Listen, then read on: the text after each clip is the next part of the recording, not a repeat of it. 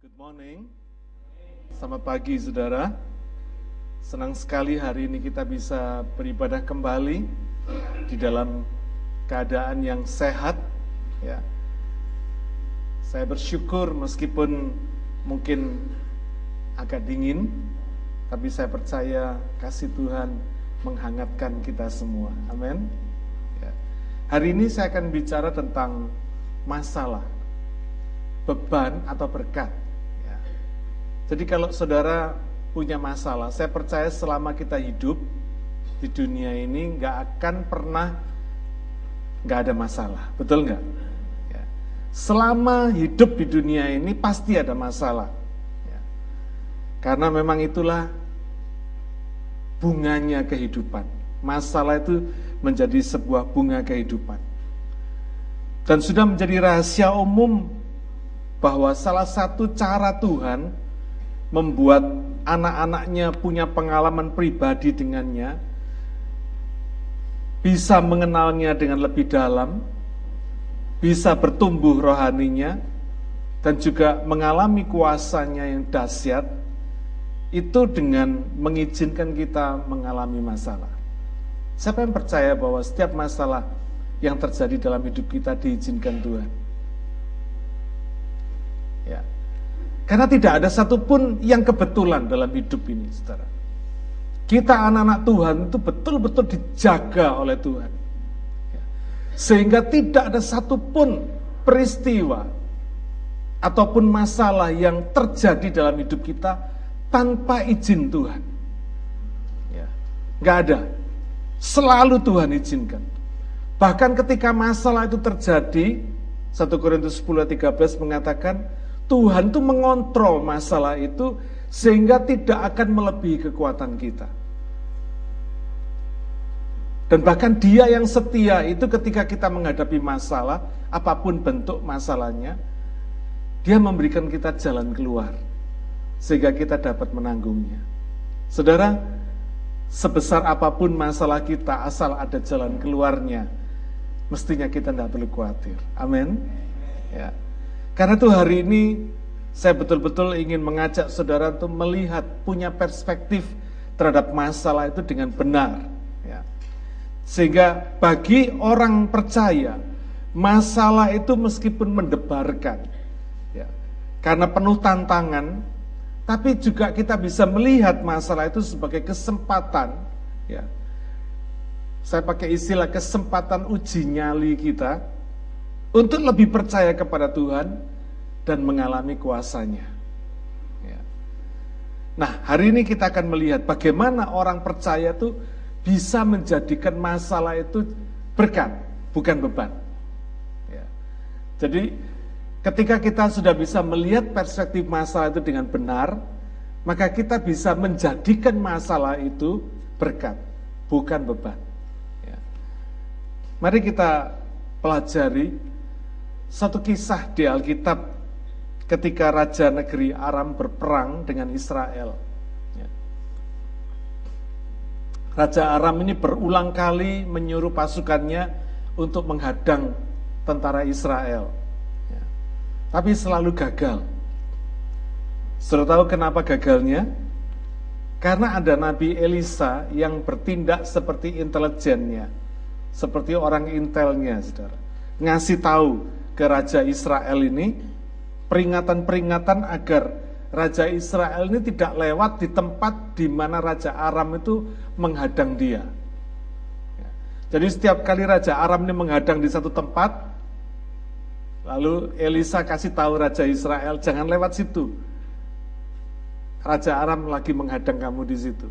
Jadi terus nggak berhasil, saudara. Ya. Maka marahlah Raja Aram itu karena kegagalan-kegagalannya. Dia bilang sama sama anak buahnya, siapa ini di antara kita yang menjadi pengkhianat ini? Gitu ya. Kok seolah-olah bocor semua gitu, rahasianya bocor semua. Dia mau menghadang di tempat ini, eh Raja Israel sudah tahu. Dia mau menghadang di tempat itu, Raja Israel juga sudah tahu. Siapa ini? Dikira ada pengkhianat, saudara. Sampai anak buahnya bilang, bukan. Bukan pengkhianat. Tapi karena di Israel sana ada nabi yang namanya Elisa. Dia itu tahu segala. Bahkan apa yang kamu katakan di dalam kamar tidurmu, dia tahu. Wah saudara, akhirnya Raja Aram ini berkata gini, siapa dia itu? Coba cari di mana dia berada, tangkap dia. Marah dia saudara. Akhirnya dicari, ketahuan. Oh waktu itu si Elisa bersama bujangnya ada di kota yang namanya Dotan. Lalu dia kirim pasukannya ke sana pasukan terbesar yang dia punya dengan pasukan kuda dan kereta tentara yang besar dia kirim ke sana untuk menangkap Elisa ini. Dan ceritanya berlanjut pada dua raja-raja pasal 6 ayat 14 sampai 16. Mari kita baca sama-sama. Bagaimana kita bisa membuat masalah itu tidak jadi beban tapi jadi berkat. Ya. Jadi apa pun masalah saudara, Pagi hari ini saya nggak bicara secara spesifik apa masalahnya. Semua masalah yang saudara dan saya hadapi bisa jadi berkat, bukan jadi beban. Amin. Luar biasa. Mari kita baca. Dua Raja-Raja pasal yang ke-6 ayat 14 sampai 16.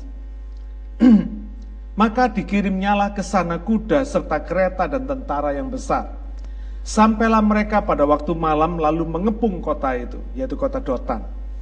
Ketika pelayan abdi Allah bangun pagi-pagi dan pergi keluar, maka tampaklah suatu tentara dengan kuda dan kereta ada di sekeliling kota itu. Lalu berkatalah bujangnya itu kepadanya, celakalah tuanku, apakah yang akan kita perbuat? Jawabnya, jangan takut, sebab lebih banyak yang menyertai kita daripada yang menyertai mereka. Yang pertama, bagaimana kita bisa bikin masalah kita itu berkat, bukan beban. Apa? Jangan takut. Saudara ini penting banget, ingat-ingat ya, masukkan dalam hati pikiran saudara. Jangan takut. Kenapa? Karena masalah itu diizinkan Tuhan terjadi. Masalah itu bukan masalah yang tak terkendali. Tapi masalah yang diizinkan Tuhan terjadi atas kita itu masalah yang terkontrol. Masalah yang terkendali, bukan yang liar. Ya. Jangan takut. Jangan takut terhadap masalah, apa pun bentuk masalah saudara. Bisa masalah ekonomi, bisa masalah pribadi, bisa masalah keluarga, bisa masalah sakit penyakit, bisa masalah masa depan, bisa masalah jodoh, segala macam. Jangan pernah takut sama masalah. Ya. Ingat-ingat, Jangan pernah takut sama masalah. Banyak orang melihat wajar bila orang itu punya masalah. Betul, semua orang punya masalah, tadi sudah saya katakan. Tetapi reaksi terhadap masalah itu yang penting. Setiap orang bisa beda. Ya. Reaksinya. Dan orang berkata, oh wajar kalau reaksi orang kalau punya masalah itu takut. Wajar. Karena kita ini masih hidup di dalam darah dan daging. Demikian juga bujang Elisa ini. Atau hamba Elisa ini. Ketika melihat kota Dotan dikepung oleh tentara Aram, ia berkata kepada Elisa, celakalah tuanku. Apa yang akan kita perbuat? Ayat yang ke-15. Saudara tadi saya katakan, masalah itu bisa beraneka ragam menghampiri kita. Tetapi kita harus ingat saudara bahwa hidup ini pada dasarnya adalah pilihan. Ya, minggu lalu saya sudah khotbahkan. Antara B dan D, antara birth and death, ada apa? Ada C, ada huruf C. Apa C itu? Choice. Saudara ingat semua, puji Tuhan. Choice, pilihan. Ya. Ada pilihan. Karena itu ketika masalah itu datang pada kita, reaksi kita itu pilihan kita. Segala yang negatif boleh terjadi dalam hidup kita, tapi reaksi kita itu pilihan kita. Apakah kita mau bereaksi positif atau bereaksi negatif? Itu pilihan kita. Itu pilihan kita. Karena itu tiap hari hidup kita ini harus memilih. Ya termasuk memilih keputusan ketika kita menghadapi masalah. What should I do? Apa yang mesti kita lakukan? Itu pilihan kita, saudara. Kayak seperti bujang Elisa tadi. Kita mau ngomong apa? Seringkali kan orang Indonesia berkata gini, mati gua. Ya. Kalau ada masalah langsung ngomongnya mati gua. Mati beneran. Kita mesti hati-hati, saudara. Kelihatannya itu latah gitu ya. Orang Jawa bilang itu latah. Gampang-gampang kita bilang mati aku, mati gua, mati aku, mati gua. Loh itu tidak biasa, saudara. Ini mulut ini mesti dijaga.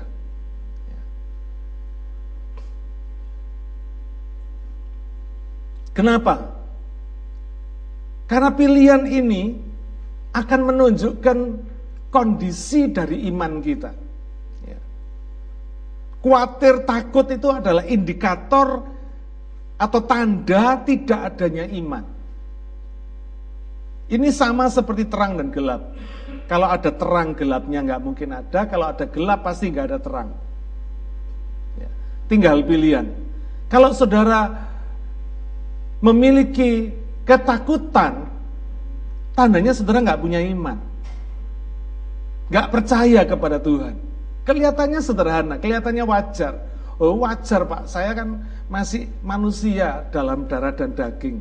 Ya namanya takut khawatir itu wajar. Kelihatannya wajar. Tapi sesungguhnya itu merupakan tanda ketidakpercayaan. Kalau kita percaya kepada Tuhan, kita tidak bakal khawatir, nggak bakal takut. Nanti kita akan jelaskan kenapa bisa begitu. Ya. Kalau ada iman, nggak ada khawatir, nggak ada takut.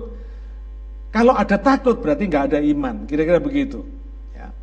Saya mau tunjukkan saudara. Mari kita baca 1 Yohanes 4 ayat 18. 1 Yohanes 4 ayat 18. Di dalam kasih tidak ada ketakutan. Nah kasih yang sempurna melenyapkan ketakutan. Sebab ketakutan mengandung hukuman. Dan barang siapa takut, ia tidak sempurna di dalam kasih. Saya jelaskan. Ayat ini kalau kita nggak pelan-pelan mengertinya nanti bisa semrawut semua. Ya. Ayat ini berkata apa? Di dalam kasih tidak ada ketakutan. Kasih yang sempurna melenyapkan ketakutan. Saudara, Kasih yang sempurna itu kasihnya siapa? Kasih Tuhan. Tidak ada kasihnya manusia yang sempurna, tidak ada. Ya. Kasih Tuhan. Kasih Tuhan itu sempurna. Karena kasihnya sempurna, maka kasih yang sempurna tadi itu tidak mengandung hukuman. Anggap saudara ya. Karena kasihnya itu kepada kita itu sempurna, saudara. Dan kasih yang sempurna itu tidak mengandung hukuman. Karena itu Roma 8 ayat yang pertama mengatakan tidak ada lagi hukuman bagi orang yang ada di dalam Kristus. Tidak ada hukuman. Karena memang kita ini diselamatkan Tuhan bukan karena kita baik, tapi karena Allah baik. Karena Tuhan baik. Ya. Dia berikan keselamatannya berdasarkan kasih karunia-Nya yang sempurna tadi. Karena itu fokus hidup kita harus Tuhan. Jadi kalau saudara jadi orang Kristen, berkata saya percaya Tuhan, berkata saya percaya Tuhan Yesus, tapi fokus hidup saudara bukan kepada Tuhan, itu tanda tanya besar saudara. Ya. Apalagi kalau orang Kristen yang fokus hidupnya duit, atau fokus hidupnya dirinya sendiri, tanda tanya besar. Efesus 2 ayat 8 mengatakan demikian. Sebab karena kasih karunia kamu diselamatkan oleh iman.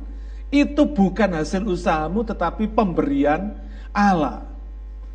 Saudara tadi sudah saya katakan, kita ini diselamatkan bukan karena kita baik, tapi karena Tuhan itu baik. Amin. Kasih kita memang sempur apa? Memang tidak sempurna, tapi kasihnya sempurna. Dengan kasih yang sempurna tadi dia menyelamatkan kita. Makanya kasih yang sempurna tadi itu tidak mengandung hukuman. Ya. Karena itu kalau kita punya masalah, kita berdosa, jangan lari dari Tuhan. Jangan pernah lari dari Tuhan. Justru ketika kita berdosa, kita mendekat kepada Tuhan. Amin. Karena pengampunannya sempurna. Kasihnya sempurna, pengampunannya sempurna. Membuat kita ini betul-betul yakin, secure dalam hidup kita ini. Tidak ada hukuman dalam hidup kita.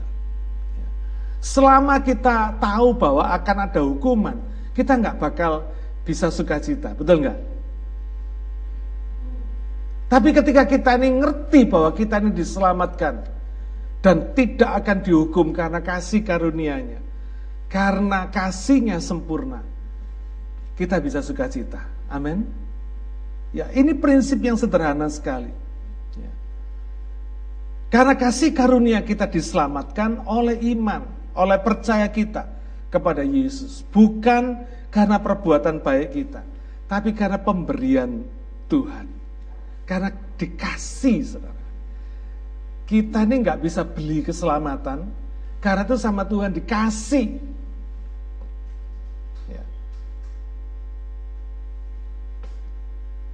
Kalau jiwa kita, roh kita diselamatkan Tuhan, maka semua masalah kita juga pasti diselamatkan. Amin. Dengan alasan yang sama. Kasih karunia. Sehingga kita tidak punya alasan untuk takut. Allah mengizinkan kita mengalami masalah tidak dengan tujuan menghukum kita. Tidak. Tapi karena ingin menyatakan dirinya kepada anak-anak kesayangannya. Saudara banyak kita menyebut Tuhan, tapi kita masih belum kenal Tuhan. Kita belum betul-betul mengenali Dia, mengenali pribadinya. Makanya kita masih sering ragu, masih sering khawatir, masih sering takut. Karena itu ketika kita mengalami masalah, sebetulnya itu adalah kesempatan yang Tuhan berikan dalam hidup kita untuk mengenali Dia lebih dalam lagi. Untuk menjalin cinta dengan Dia lebih dalam lagi untuk bukan untuk sekedar tahu tapi betul-betul mengalami dia. Ya. mengalami pimpinan Tuhan mengalami kasih sayang Tuhan di dalam segala masalah-masalah kita. Nah kalau kita sungguh-sungguh mengasihi Tuhan meskipun kasih kita tidak sempurna tapi kita sungguh-sungguh mengasihi dia. Sudah tahu kasih itu berasal dari mana? Berasal dari Tuhan. Amin kalau saudara dan saya bisa mengasihi dia, meskipun mengasihinya tidak sempurna, dengan kasih yang tidak sempurna. Tapi kasih tadi itu berasal dari Tuhan. Berasal dari pribadi Tuhan sendiri. Yang adalah pribadi kasih itu. Karena dia ada di dalam kita, maka kita ini bisa mengasihi Tuhan. Ya. Kalau Tuhan nggak nggak memberikan dirinya kepada kita, tidak memberikan kasihnya kepada kita, kita tuh nggak akan pernah punya modal untuk mengasihi dia. Anggap nggak? Karena aku yang mengasihi kamu dulu, lebih dulu. Aku yang mengasihi lebih dulu, kata Tuhan. Jadi kita ini bisa mengasihi Tuhan karena Tuhan lebih dulu mengasihi kita. Modal kasih kita untuk bisa mengasihi Tuhan itu karena ada kasih Tuhan di dalam diri kita. Tanpa kasih Tuhan di dalam diri kita, tidak bakal kita ini bisa mengasihi Tuhan.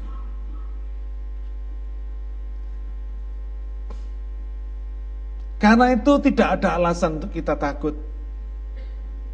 Karena kasih itu berasal dari kasihnya yang sempurna. Dia tinggal di dalam kita pribadi kasih itu tinggal di dalam kita. Itu sebabnya kita bisa mengasihi dia. Meskipun tidak dengan sempurna. Meskipun kasih kita tidak sempurna.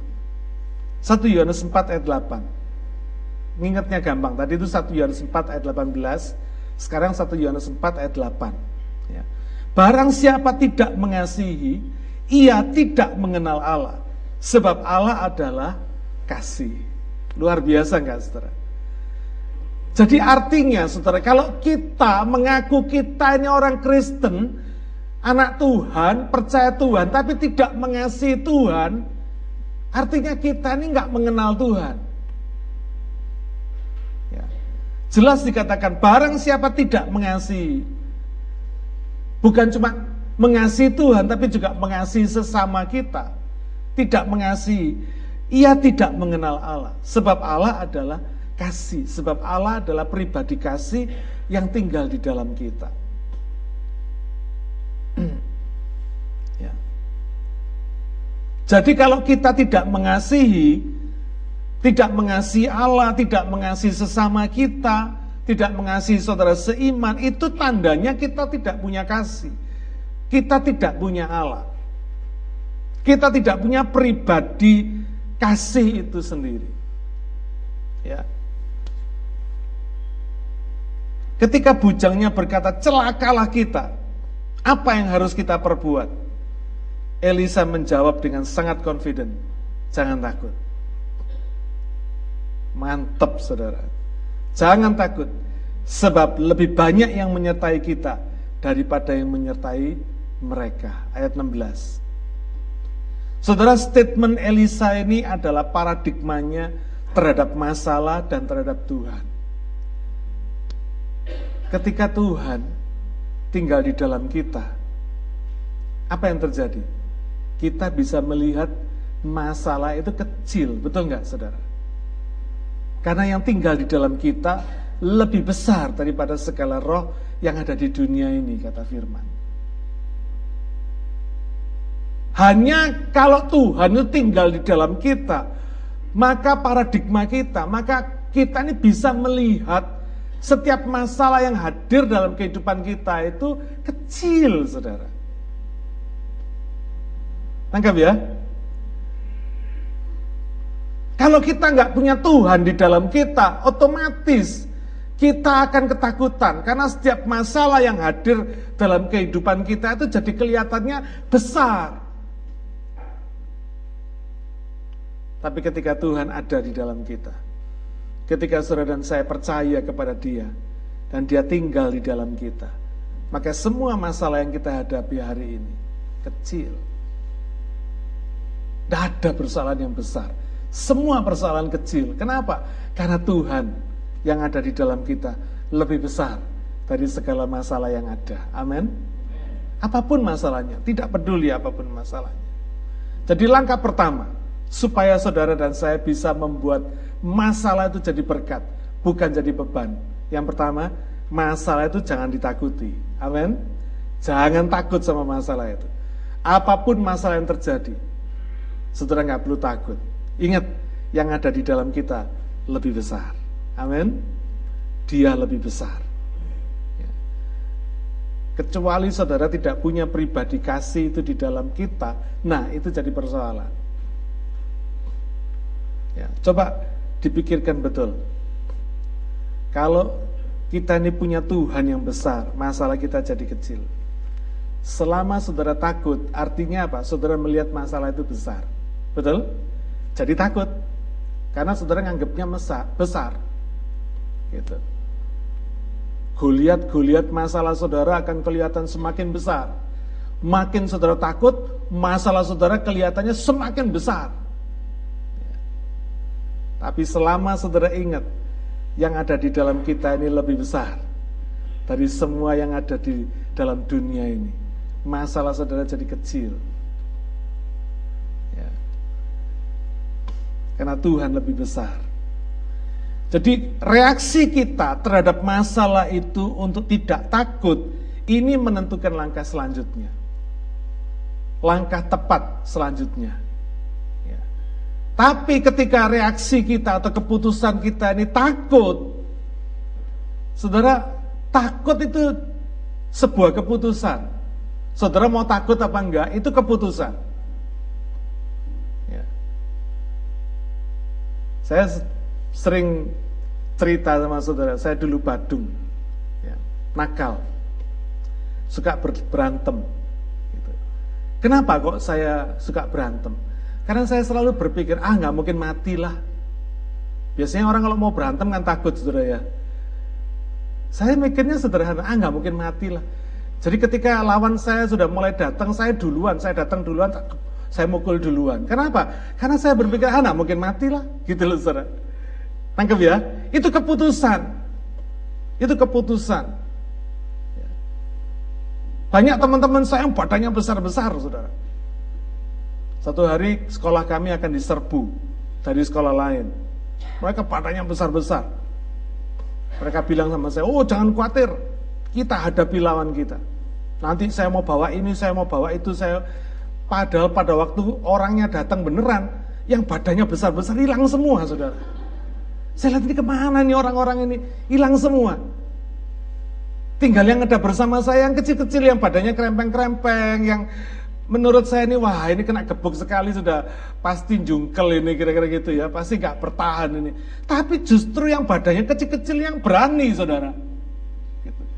yang berani menghadapi kita hajar dia katanya berani ngerbu sekolah kita kita hajar dia. Nah ini orang-orang yang seperti ini. Saudara lihat ya. Takut itu keputusan. Kalau saudara mau berani apa enggak itu keputusan. Sama dengan ketika kita mau mengasihi kita mau mengasihi apa enggak, itu keputusan. Itu keputusan. Karena itu ketika keputusan kita, ketika reaksi kita untuk tidak takut, ini akan menentukan langkah selanjutnya. Tapi begitu takut, langkah selanjutnya pasti kacau. Sudah pernah lihat orang yang ketakutan? Ada satu video yang saya punya, tapi saya lupa kirimkan hari ini. Video itu karena apa? Karena ketakutannya sendiri. Sudah jadi rahasia umum hari ini orang-orang yang dari Middle East ya. Kalau ada yang pakai, saya nggak tahu apa, sudah pernah lihat video ini. Pakai jubah putih gitu ya, itu sudah dianggap teroris. Jadi begitu dia bawa bawa ransel, bawa tas, Begitu dia lemparkan tas, orang itu bisa ketakutan lari sampai nyebur-nyebur kali, saudara. Karena apa? Karena pikiran dia, dalam pikiran dia ini teroris, gitu saudara ya. Jadi begitu lihat orang ini ngelemparin tas, wah dikira tuh bom, saudara. Lari sampai tersungkur-sungkur sampai masuk ke sungai, saudara. Bayangin, itu karena apa? Karena di dalam pikirannya sudah terstruktur ketakutan tadi itu. Amin. Nah, saudara coba bayangin sekali ya. Hari ini kalau ada orang yang pakai baju jubah putih gitu saudara ya. Terus ada jenggotnya gitu. Terus bawa ransel gitu. Terus ranselnya diuncalkan ke saudara. Lari enggak? Coba, coba pikirin. Lari enggak? ya. Itu menunjukkan saudara bahwa ketakutan itu sebuah keputusan. Nanti satu saat kalau ada kaitannya lagi, nanti saya putarkan videonya. Lucu sekali. Saya nonton video itu sampai ke pingkel-pingkel. Ada orang yang duduk diuncali tas wari, saudara. Sampai nabrak pohon, waduh macam-macam. Karena apa? Ketakutan. Saudara, keputusan untuk takut itu bikin hidup kita kacau. Langkahnya orang yang takut itu pasti kacau, saudara. Tidak bisa mikir sehat. Karena itu hari ini saya ingin mengajak saudara dalam menghadapi setiap masalah, jangan takut. Amin. Ya. Karena keputusan kita untuk tidak takut terhadap masalah ini akan membuat kita mampu melangkah dengan tepat untuk selanjutnya. Apa yang dilakukan oleh Elisa? Bujangnya bilang, celaka kita. Elisa berkata, jangan takut. Keputusan. Dua orang yang sama, apa dua orang yang berbeda melihat masalah yang sama. Reaksinya beda. Bujangnya berkata, celaka gua, mati gua. Matilah kita, celakalah kita. Elisa berkata, jangan takut. Ya, sudah lihat ya. Peristiwa yang sama dihadapi dua orang yang berbeda dengan reaksi yang berbeda, dengan keputusan yang berbeda. Apa langkah selanjutnya dari Elisa? Yang kedua, berdoa pada Tuhan. Ya. Kalau orang tidak takut, saudara baru bisa berdoa. Tapi kalau takut, nah mungkin bisa berdoa. Lagi berdoa, pikirannya takut, kacau semua, saudara. Ya. Berdoa. Mari kita pelajari. Lihat doanya. Ayat 17. Dua Raja-Raja pasal yang ke-6 ayat 17. Lalu berdoalah Elisa. Doanya lucu. Ya Tuhan, bukalah kiranya matanya, maksudnya matanya bujangnya, supaya ia melihat. Maka Tuhan membuka mata bujang itu sehingga ia melihat. Tampaklah gunung itu penuh dengan kuda dan kereta berapi sekeliling Elisa. Saudara, urusan melihat masalah ini itu sangat menentukan. Ya. Banyak nasihat-nasihat rohani yang sering kali justru malah bisa membingungkan. Saya banyak ditanya orang. Contohnya mereka bilang gini, Pak kita kan tidak boleh cuma berdoa toh, tapi juga mesti berusaha. Betul nggak? Betul. Kelihatannya nasihat ini betul, ora et labora katanya. Berdoa dan bekerja, berusaha. Ya. Kelihatannya betul. Tapi kalau saudara lanjutkan pertanyaan ini, saudara bisa bertanya, doanya apa? Usahanya apa? Gitu? Terlalu luas. Nah faktanya, banyak orang yang sudah berdoa dan sudah berusaha, tapi juga masalahnya nggak beres juga. Betul nggak? Ini terjadi, fakta. Ya. Jadi kesalahannya di mana? Apakah kesalahannya ada di doanya atau di usahanya? Enggak. Ya. Kesalahannya pada bagaimana melihat masalahnya. Kalau saudara melihat masalahnya salah, doa saudara juga salah, usahanya juga salah. Saudara mau cari address di Sydney pakai peta Melbourne, ketemu nggak? Nggak bakal ketemu. Biar jungkir balik, saudara lihat petanya, nggak bakal ketemu. Karena apa? Karena peta yang saudara pakai keliru. Demikian juga ketika saudara melihat masalah. Kalau saudara mas, melihat masalah dengan kacamata Tuhan, saudara akan melihat masalah itu dengan tepat. Tapi kalau melihat dengan kacamata kita, kita bisa takut. Karena itu tadi yang pertama dikatakan, jangan takut. Kenapa? Karena masalah itu terkontrol oleh Tuhan. Selama fokus hidup kita ini kepada Tuhan, tidak usah takut. Amin.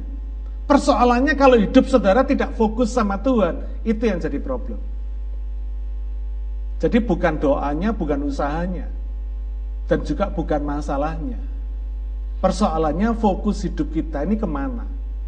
Selama fokus hidup kita ini kepada Tuhan, kita ini bisa melihat masalahnya dengan tepat. Karena itu Elisa berdoa. Doanya apa Tuhan? Buka matanya. Buka mata bujang saya supaya dia bisa melihat.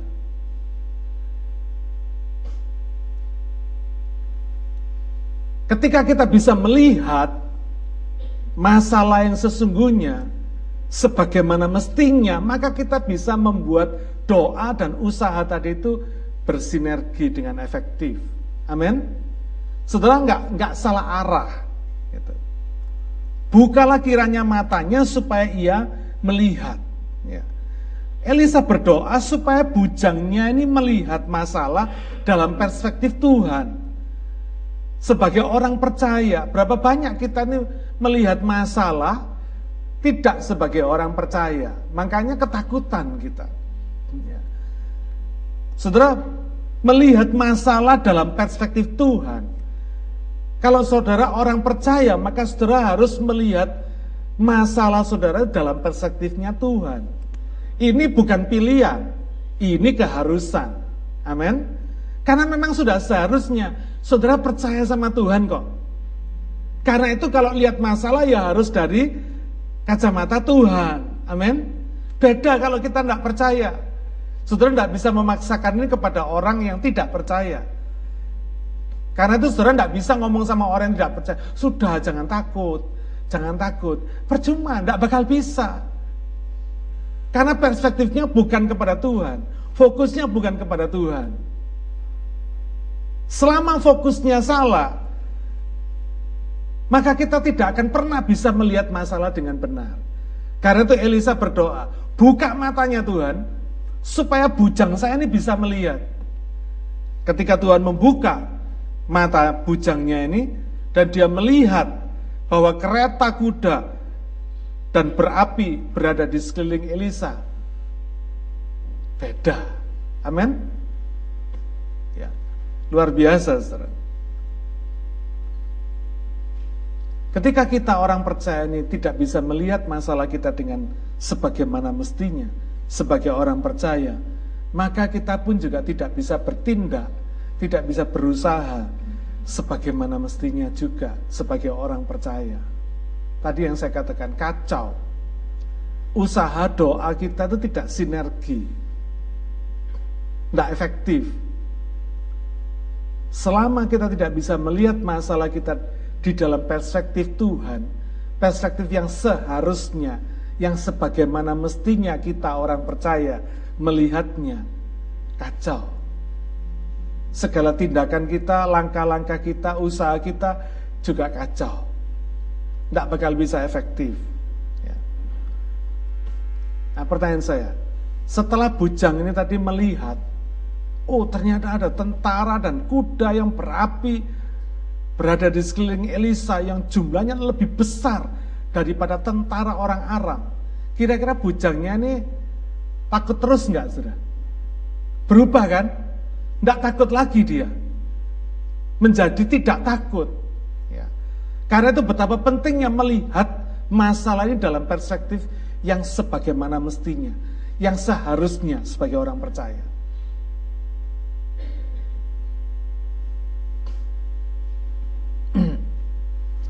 Kenapa?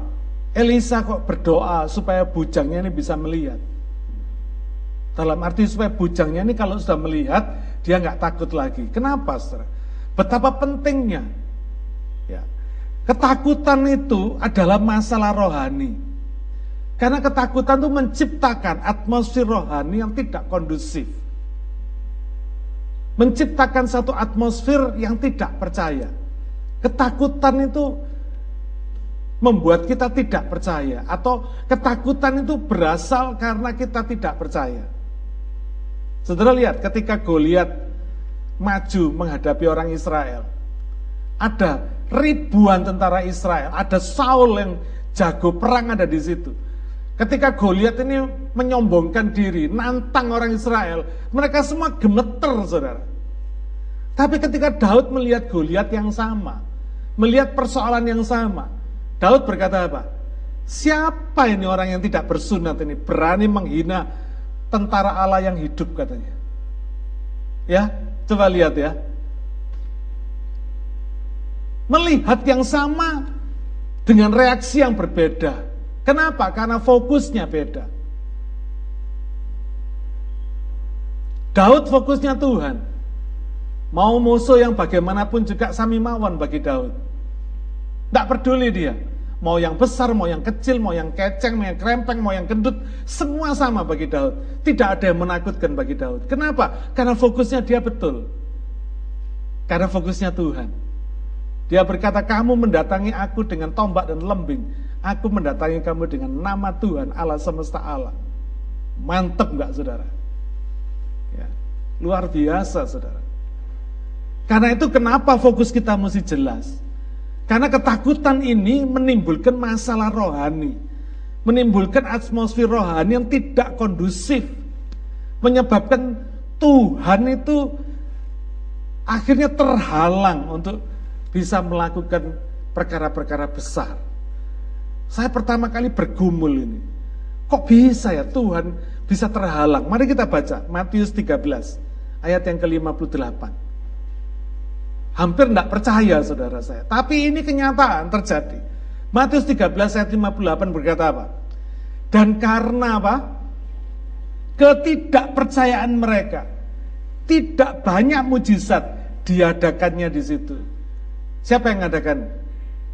Yesus.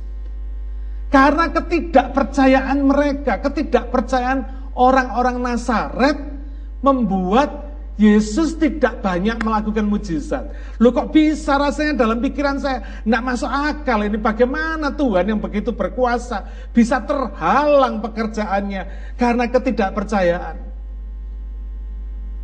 Akhirnya saya mengerti, iya Tuhan itu nggak pernah maksa. Tuhan itu Allah yang sopan santun sekali, saudara. Dia tidak pernah memaksa dan memperkosa kita untuk menerima pekerjaan yang dahsyat. Ngerti nggak, saudara? Dia tidak pernah paksa saudara untuk untuk mengalami pekerjaan, mengalami kuasanya yang dahsyat. Loh kalau saudara tidak percaya Tuhan tidak bakal bikin kok. Kalau saudara tidak mau dia tidak bakal paksa kok. Dia bisa, bisa. Tapi karena kita nggak percaya, dia tidak melakukannya. Karena itu betapa pentingnya urusan takut ini betapa pentingnya, saudara. Karena takut ini berasal dari tidak percaya. Tadi saya katakan ya, kalau sudah percaya nggak bakal takut. Kalau takut itu artinya nggak percaya. Saudara sakit, takut nggak? Andai kata satu hari dokter memfonis kanker, uh, saudara langsung merinding. Kanker. Kenapa? Karena di dalam pikiran kita sudah terstruktur bahwa kanker itu penyakit yang bahaya, gitu ya.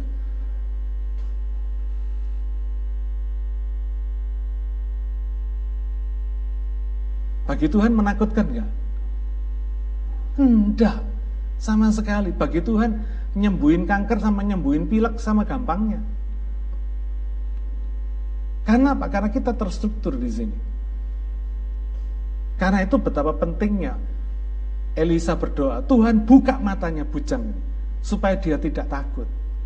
Supaya kalau melihat dengan jelas, oh ternyata yang menyertai Elisa lebih besar daripada yang orang-orang Aram ini. Dia nggak takut lagi. Saudara betapa pentingnya kita jaga hidup kita ini untuk tidak diisi dengan ketakutan. Tidak ada benih ketakutan apa pun di dalam kehidupan kita. Karena ini benih ketakutan akan menjadi pohon ketakutan. Dari pohon ketakutan akan menjadikan buah ketakutan. Karena ketakutan ini adalah ketidakpercayaan. Ini yang membuat Tuhan terhalang, saudara. Seperti yang terjadi dalam Matius 13 ayat 58 ini. Di Nazaret Tuhan Yesus tidak bikin mujizat banyak. Kenapa? Karena orang Nazaret tidak percaya. Makanya Yesus berkata, seorang nabi tidak diterima di daerahnya sendiri, di rumahnya sendiri. Kalau saudara tidak percaya, Tuhan tidak bisa, tidak kerja apa-apa. Bukan karena dia tidak bisa, tapi karena dia tidak mau. Karena Tuhan itu menghargai hak kita. Karena itu betapa cinta kepada Tuhan itu, percaya kepada Tuhan itu valuable. Karena saya selalu mengingatkan saudara, jemaat semua, ingat ya, Tuhan itu tahu hati kita hati dan pikiran kita ini Tuhan tuh tahu saudara. Orang tidak tahu, Tuhan tahu. Karena itu betapa pentingnya kita jaga hati dan pikiran kita ini.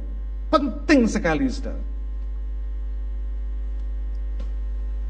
Jadi ketakutan yang katanya orang itu biasa wajar Pak saya ini masih darah dan daging manusia biasa. Jadi takut itu biasa. Siapa bilang? Tidak biasa. Ketakutan itu bukan masalah biasa lagi, bukan masalah manusiawi, bukan masalah jiwani, bukan masalah jasmani lagi, tapi masalah rohani. Kenapa? Karena Tuhan melarangnya. Nangkep gak saudara? Karena Tuhan melarangnya, Tuhan berkata, Pak, jangan takut. Apa yang dilarang Tuhan jadi masalah rohani, saudara. Nangkep gak saudara ya? Sebelum dilarang Tuhan jadi kelihatannya biasa. Tapi begitu Tuhan melarangnya, jadi problem rohani. Karena Tuhan melarangnya. Kalau dilanggar dosa, amin. Jadi takut itu dosa, khawatir itu dosa, karena Tuhan melarangnya. Ini masalah rohani, bukan masalah jasmani atau masalah jiwani. Tidak. Karena itu apa pun yang bikin kita adiktif hari ini. Saya tidak tahu saudara adiktif apa. Apa pun yang bikin kita addicted. Addicted itu maksudnya gini, kalau sudah nggak lakukan sudah merasa nggak enak. Itu addicted. Siapa di sini yang nggak kalau nggak buka Facebook ngerasa nggak enak? Kalau nggak buka HP ngerasa nggak enak. Kalau nggak nonton film Korea nggak merasa nggak enak. Kalau nggak mainan game nggak enak. Selama saudara merasakan itu, artinya saudara sudah addicted. Mau ngaku apa enggak, addictednya sedikit kok Pak, cuma sedikit kok. Ya addicted tapi sedikit kok. Tidak ada. Addicted sedikit tidak ada. Addicted ya addicted. Ketagihan, keterikatan. Tidak ada yang namanya ada orang yang terikat TV. Oh cuma cuma sedikit kok Pak. Tidak ada. Keterikatan ya keterikatan. Addicted ya addicted gitu ya. Jadi mulai hari ini coba periksa. Periksa. Belajar kita jujur sama hati dan pikiran kita sendiri. Ya. Apa yang bikin saudara tidak enak kalau saudara tidak lakukan? Itu sudah addicted. Nah saya mau tanya sama saudara, kenapa sih saudara kok merasa nggak enak? Karena interest kita sudah diikat. Ya, sudah diikat. Sehingga kalau kita mau keluar dari ikatan tadi itu, tidak enak. Ada satu rasa tidak enak. Ya. Karena itu kita mesti hati-hati. kita ini hanya boleh addicted sama satu. Addicted sama Tuhan. Karena kita miliknya dia. Ya, Yakobus 4 ayat 5.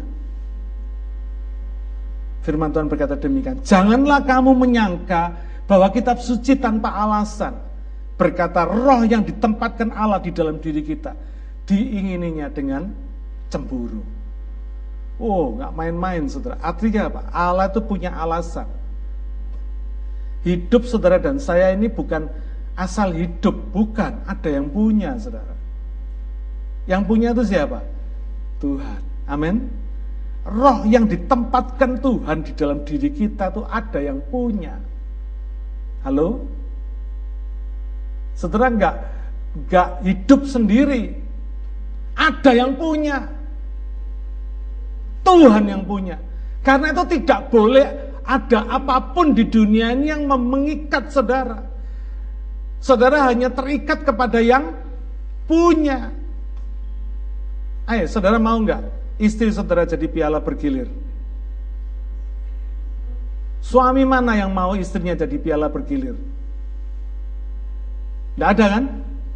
Kenapa? Karena suami merasa gua yang punya. Istri gua ini, bukan istrinya orang lain. Ada satu kecemburuan, saudara. Dari Tuhan karena dia memiliki kita. Hanya dia yang boleh mengikat kita. Hanya dia yang boleh memiliki kita. Yang lain tidak boleh. Karena itu dikatakan Allah itu cemburuan. Bahkan dalam kitab keluaran pasal 33 atau 34 mengatakan namanya Tuhan itu siapa? Cemburuan. Namanya aja udah cemburuan saudara. Dalam terjemahan bahasa Indonesia. Namanya itu cemburuan. Gak main-main. Pertama, jangan takut. Kedua, doa. Kalau saudara nggak takut, saudara bisa berdoa. Kalau saudara sudah takut, nggak mungkin bisa berdoa. Kacau. Nggak bakal bisa berdoa. Doanya pasti ngalor ngidur, nggak konsentrasi, semrawut, ya, nggak karuan, nggak bakal bisa berdoa. Ya.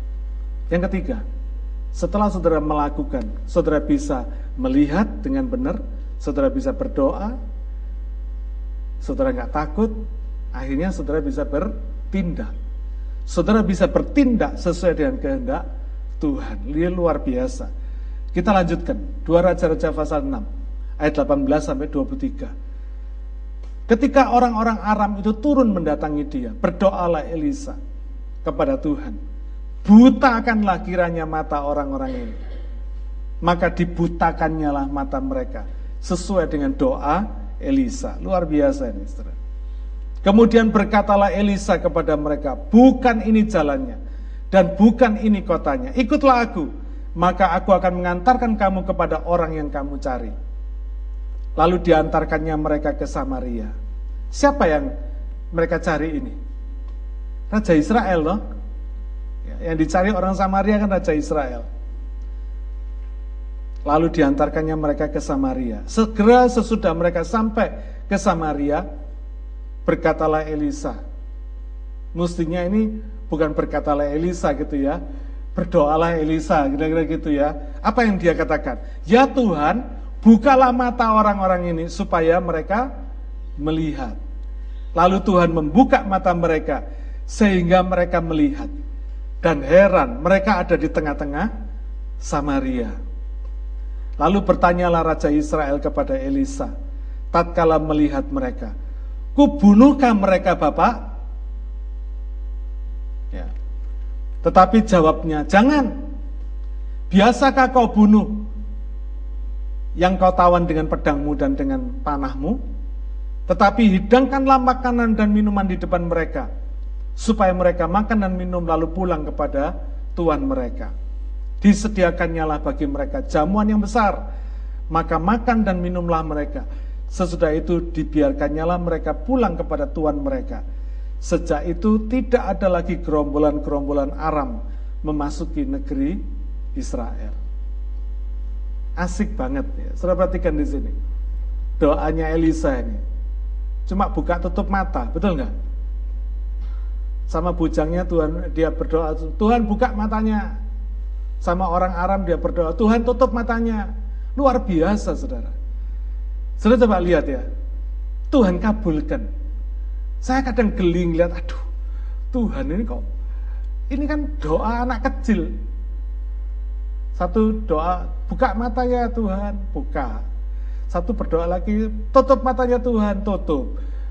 Lalu sampai di Samaria, Elisa berdoa lagi, buka matanya Tuhan, dibuka lagi. Coba, urusan-urusan sepele enggak? Buka tutup matanya kan urusan sepele. Tuhan dengar dan Tuhan lakukan. Karena itu kalau ada orang yang berkata gitu aja dikit-dikit Tuhan, dikit-dikit Tuhan. Saudara keliru, Tuhan tuh mau deal sama kita tuh dari urusan yang paling remeh sampai yang paling besar. Amin. Jadi jangan pernah menyepelekan Tuhan atau punya konsep, oh Tuhan tuh mau nger mau deal sama kita untuk urusan yang besar-besar aja. Enggak, ini saya buktikan saudara. Ini firman Tuhan ini. Urusan buka mata, tutup mata itu didengar Tuhan dan dilakukan oleh Tuhan. Coba. Doanya Elisa jelas. Satunya bilang buka mata, buka. Tutup mata, tutup. Buka lagi Tuhan, buka. Ini apa yang dikerjakan ini? Sederhana kan? Kita ngelihatnya sederhana, tidak. Ini bukan urusan tutup mata, buka mata saja.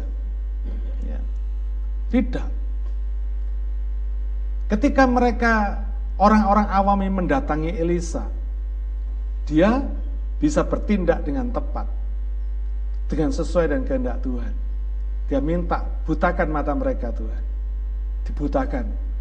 Sehingga Elisa bisa menuntun mereka. Bayangin ya. Berapa banyaknya orang Aram. Nggak disebutkan jumlah persisnya. Tapi pasti besar. Ya kan?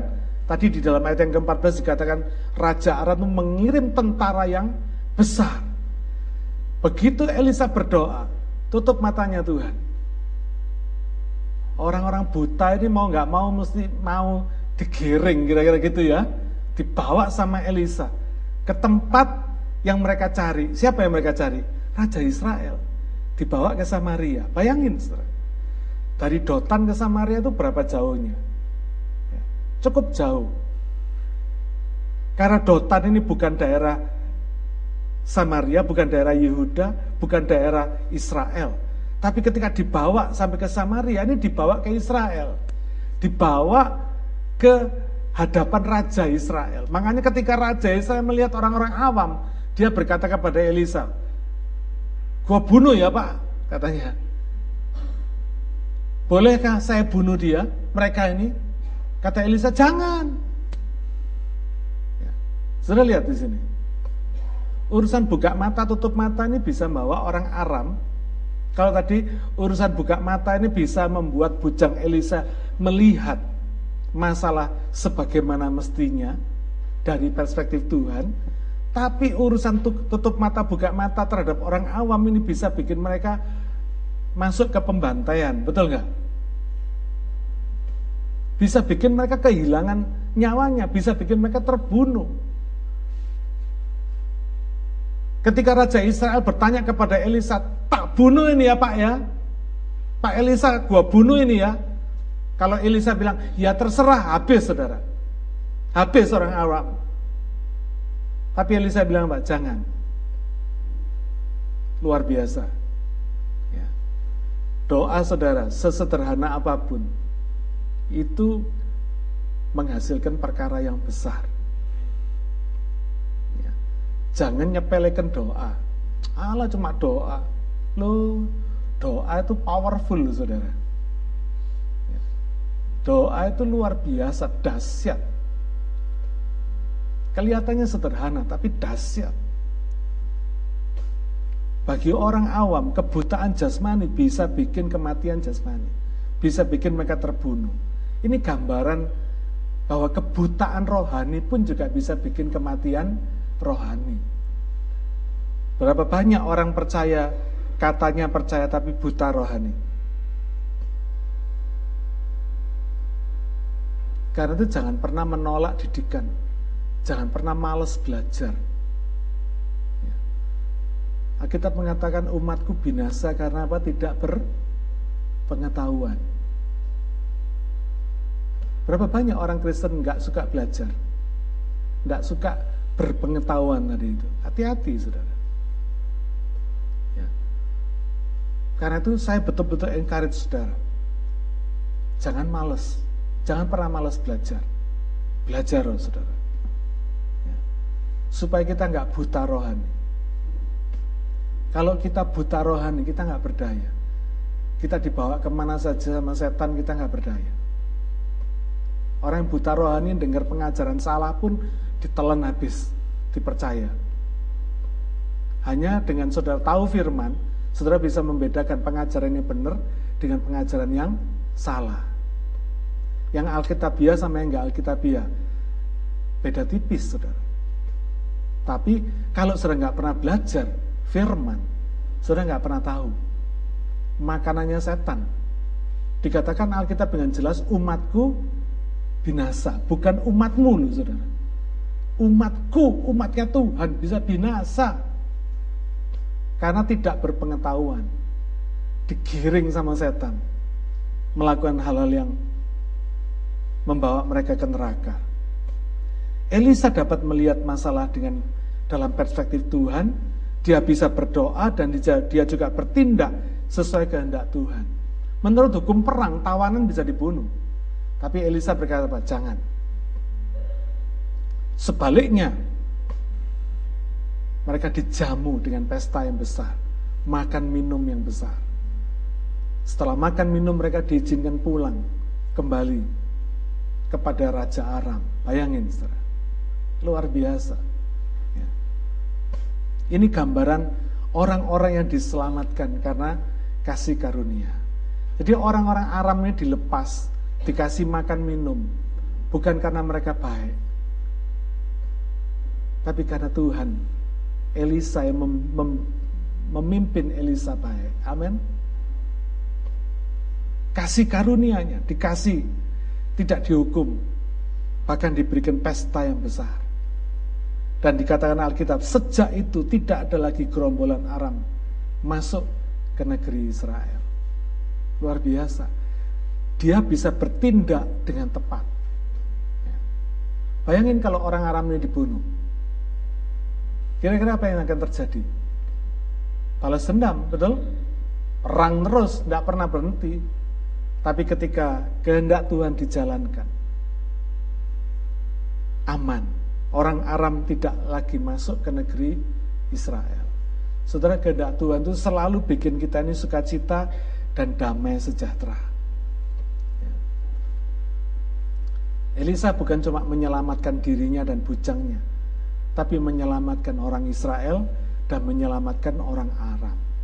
Saudara, apa yang kita lakukan dengan kehendak Tuhan itu selalu akibatnya besar. Apa yang kita lakukan sesuai dengan kehendak Tuhan, fokus kepada Tuhan, selalu berakibat besar. Tidak ada yang kecil. Doa yang paling sederhana pun berakibat besar. Amin. Karena itu saudara jangan abaikan doa. Ya. Kadang Tuhan membawa kita melakukan hal-hal yang kelihatannya bodoh. Ya. Bayangin ini, orang Aram yang mengejar orang Israel sekarang dengan mata buta sudah dibawa ke hadapan orang Israel. Tinggal dibunuh, saudara, betul? Mereka ini berusaha menghadang orang Israel, Raja Israel mau bunuh Raja Israel. Sekarang mereka sudah di hadapan Israel. Tinggal dibunuh kok tidak gitu ya. Orang bilang bodoh banget kamu. Sudah dibawa dari Dotan sampai ke Samaria, tinggal dibunuh, jangan katanya. Berapa banyak kita sering kali menganggap kita ini sudah terjebak di dalam sebuah kebodohan.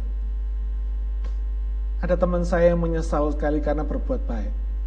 Saya tanya lu, kenapa kamu kok menyesal? berbuat baik kok menyesal. Iya pak, dia pakai bahasa Jawa. Nolong mentung.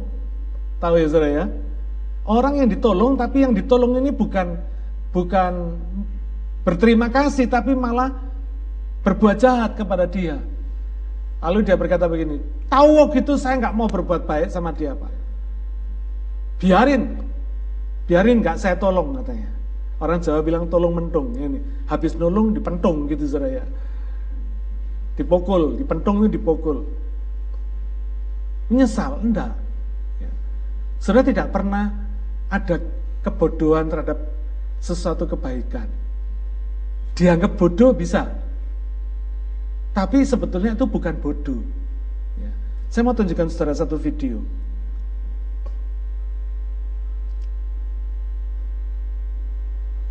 Tolong.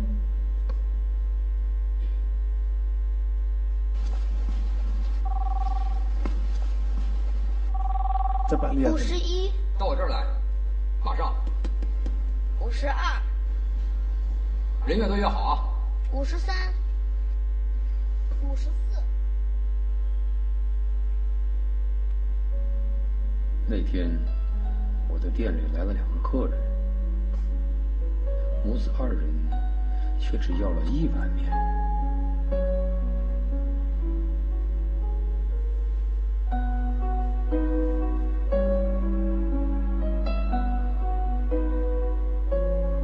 看着这母子俩，那天我撒了一个谎。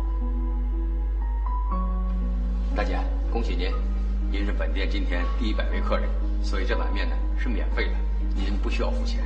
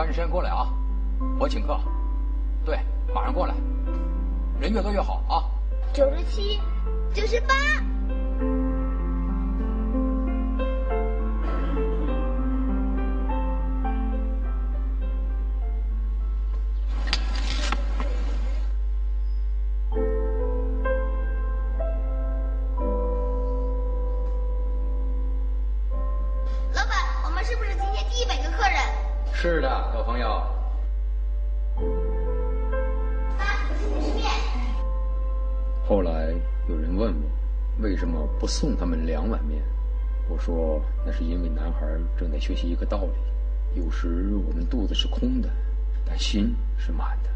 所以，虽然我撒了一个谎，但我依然要兑现它。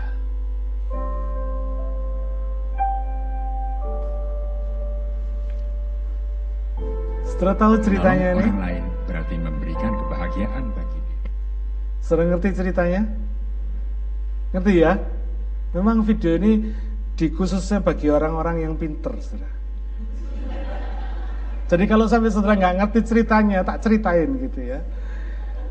penjual penjual mie ini lihat pembelinya dia ini anak sama mama ini kok cuma pesan satu mie gitu. karena mereka nggak punya duit betul nggak karena itu penjual mie ini jatuh belas kasihan sama mereka dibilang kamu ini pembeli yang ke 100 jadi nggak usah bayar nangkap ya saudara ya baik toh baik tapi sama si anak yang pinter ini ditangkap saudara. Oh pembeli yang ke 100 tidak bayar. Ditunggu sama dia di muka tokonya, di, dihitungi. Pembelinya ini dihitungi. Sampai 98, 99, nah dia cepat-cepat tarik mamanya datang. Dia berkata sama yang punya toko, Pak, saya ini pembeli yang ke 100 ya. Tangkap nggak saudara ya? Terus yang punya yang jual mie berkata, "Ya betul, kamu pembeli yang 100, pembeli yang ke 100." Tujuannya apa? Supaya dapat mie gratis. Saudara, kadang-kadang kebaikan maksudnya nolong, tapi dibuat di taking advantage gitu ya. Dimanfaatkan. Kebaikannya dimanfaatkan. Jadi sama si anak ini terus dibikin begitu. Jadi tiap kali dia ngitungi pembelian ke 100, yaitu dia. Dapat gratis terus, betul nggak saudara ya? Tapi penjual mie ini berkata apa? Enggak, enggak apa-apa. Aku mesti menepati janjiku. Meskipun dia pada awalnya dia bohong dengan dengan tujuan cuman mau berbelas kasihan. Tapi dia tetap menepati janjinya. Saudara, Kadang kita ini tahu loh kalau dimanfaatkan, betul nggak? Siapa yang di sini merasa pernah ngalamin gitu? Berbuat baik tapi dimanfaatkan. Terus kadang kita ini bukan guan gitu ya, ndak rela, kurang ajar ini orang. Saya sudah berbuat baik, dimanfaatkan, bukan guan gitu ya saudara ya, ndak terima kita, ndak rela kita. Saudara ingat penjual apa penjual mie tidak apa-apa, orang boleh memanfaatkan saudara. Saudara tahu kok, ngerti kok, tapi kita jangan manfaatkan orang lain. Amin. Kalau kita berbuat baik, biarlah kita berbuat baik. Ya. Kenapa? Karena memang storage-nya kita, isi gudang hati kita ini baik. Amin. Jadi apa pun juga orang mau melakukan sesuatu yang tidak baik sama kita, nggak apa-apa, biarin aja. Karena apa? Isi hati kita, isi pikiran kita yang kita miliki ini cuma kebaikan. Kebaikan yang sudah diberikan Tuhan kepada kita lebih dulu. Ya berikan kebahagiaan, ke, kebaikan itu. Amin. Janganlah kita merasa segan untuk berbuat baik.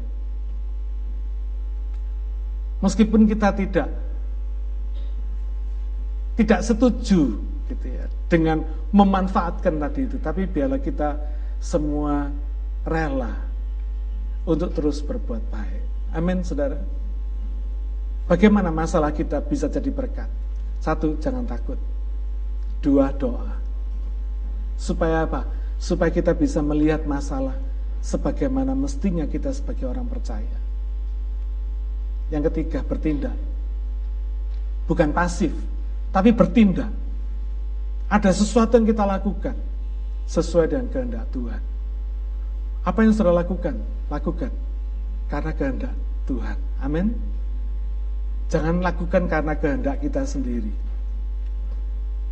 Meskipun kita kadang merasa kejebak gitu ya, merasa dimanfaatkan oleh orang karena kebaikan kita.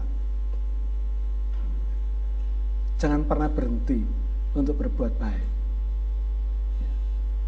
Kalau saudara rela memberikan bantuan kepada orang lain dan itu dijadikan langganan akhirnya untuk saudara membantu dia. Kadang-kadang seolah-olah harus menjadi obligasi, keharusan bagi saudara untuk membantu dia. Jangan pernah berhenti berbuat baik. Amin. Jangan pernah menyesal. Tidak apa-apa. Orang boleh melakukan sesuatu yang tidak baik kepada saudara, asal kita selalu berbuat baik kepada orang lain. Karena memang yang kita punya, isinya hati dan pikiran kita memang baik. Tidak ada yang tidak baik. Amin. Just lakukan, berikan yang baik. Biarlah apa yang saya bagikan hari ini boleh jadi berkat buat kita semua. Ya. Jangan takut terhadap masalah. Berdoalah supaya bisa melihat masalah saudara dari perspektif Tuhan, lalu bertindaklah atasi masalah kita sesuai dengan kehendak Tuhan. Maka saya percaya masalah itu tidak akan jadi beban, malah jadi berkat. Bukan cuma berkat bagi kita sendiri, tapi berkat bagi banyak orang. Seperti yang dilakukan Elisa ini. Bukan cuma menyelamatkan Elisa dan bujangnya, tapi menyelamatkan orang Aram dan juga menyelamatkan Israel. Sehingga tidak ada perang lawan orang Aram. Semua boleh ada dalam damai sejahtera. Jadikan masalah saudara berkat buat kehidupan saudara dan buat kehidupan banyak orang. Mari kita berdoa.